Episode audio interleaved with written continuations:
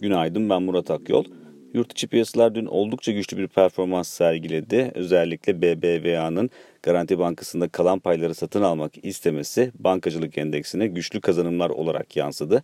Bankalardaki güçlü alımların ardından e, sanayi şirketlerine de bu kuvvetli alımlar yansıdı ve Borsa İstanbul günü %4'e yakın değer kazanımıyla 1700 puan seviyesinin üzerinde tamamladı.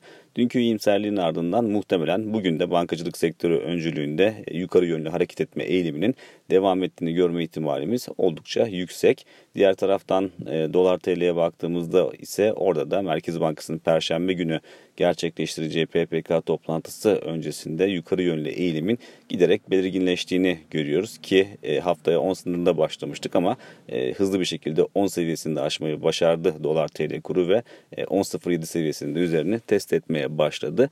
Görünümde tamamen Merkez Bankası'nın e, perşembe günü e, vereceği karar ve e, mesajlar belirleyici olacak gibi görünüyor. Hatırlatmak gerekirse Merkez Bankası'ndan e, ortalama piyasa beklentisi 100 bas puanlık bir faiz indirimi daha e, olacağı yönünde. Ancak Merkez Bankası hem Türkiye'nin göreceli olarak yüksek seyreden risk primini göz önünde bulundurup hem de TL, TL üzerindeki baskıyı dikkate alarak daha ölçülü bir faiz indirimine gitmeyi de tercih edebilir.